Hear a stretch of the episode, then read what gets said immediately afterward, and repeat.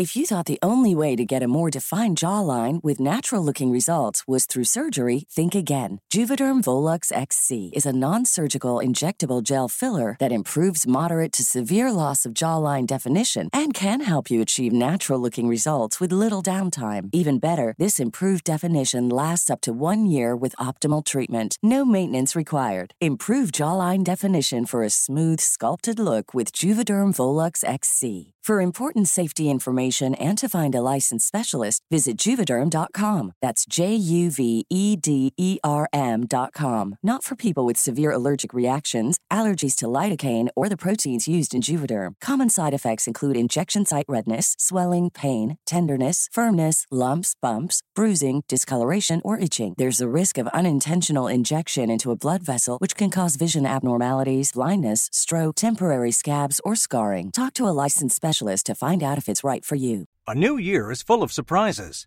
but one thing is always predictable postage costs go up. Stamps.com gives you crazy discounts of up to 89% off USPS and UPS services. So when postage goes up, your business will barely notice the change. Stamps.com is like your own personal post office, wherever you are. You can even take care of orders on the go with the mobile app. No lines, no traffic, no waiting. Schedule package pickups, automatically find the cheapest and fastest shipping options, and seamlessly connect with every major marketplace and shopping cart. There's even a supply store where you can stock up on mailing supplies, labels, even printers. Stamps.com has been indispensable for over 1 million businesses just like yours. All you need is a computer or phone and printer. Take a chunk out of your mailing and shipping costs this year with Stamps.com. Sign up with promo code PROGRAM for a special offer that includes a four week trial, plus free postage and a free digital scale. No long term commitments or contracts. That's stamps.com code PROGRAM.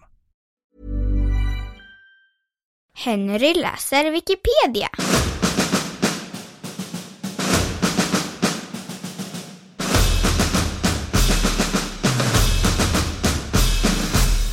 James Earl Ray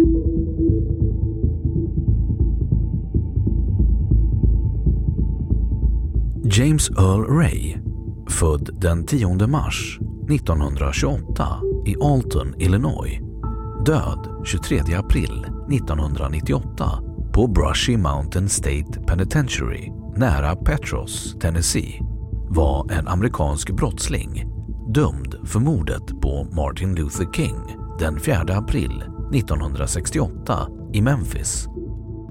Ett dåd som gav 99 års fängelse Ray erkände först mordet men tog snart tillbaka sitt erkännande och fortsatte sedan resten av sitt liv att hävda sin oskuld. Efter nära 30 år i fängelse fick Ray öppet stöd av den mördade Kings son Dexter Scott King i sina försök att få en ny rättegång, något som dock aldrig blev av. Tidiga år Ray växte upp utan far och med en mor som led av cancer. Han begick tidigt, med en början redan som barn, många mindre brott såsom snatteri, stöld och misshandel.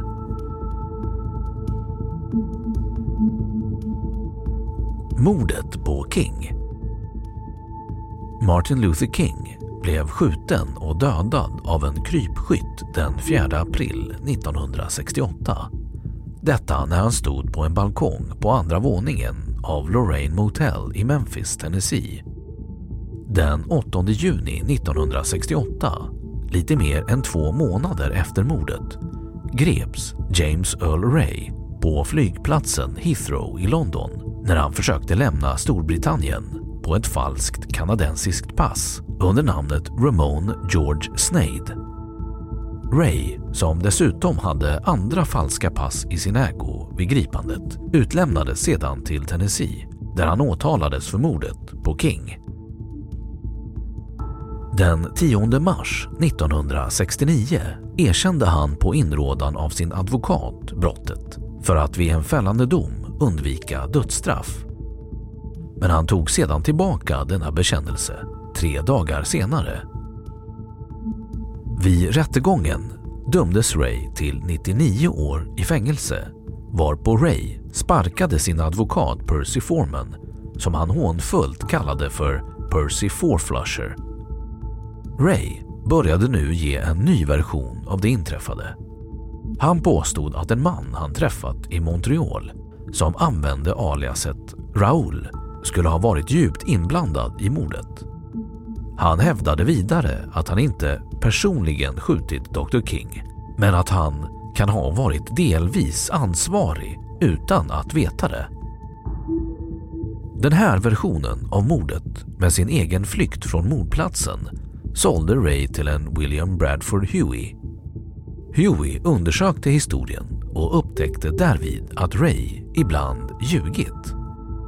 Ray berättade bland annat att han avsiktligt lämnat geväret med sina fingeravtryck helt öppet av anledningen att han ville bli en berömd brottsling. Samtidigt som han var övertygad om att han var så smart att han inte skulle bli fångad. Han trodde också att guvernören i Alabama, George Wallace, snart skulle bli vald till president och att han själv därför bara skulle behöva sitta inne under en kort tid. Ray tillbringade sedan resten av sitt liv med att utan framgång försöka bevisa sin oskuld och få till en ny rättegång. Död Ray dog år 1998, fortfarande fängslad i följder av hepatit C.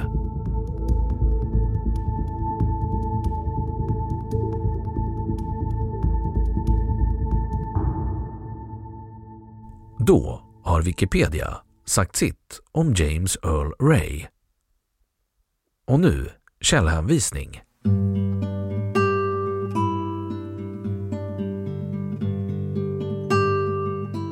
Sidan är helt eller delvis en översättning av Wikipedias engelska version.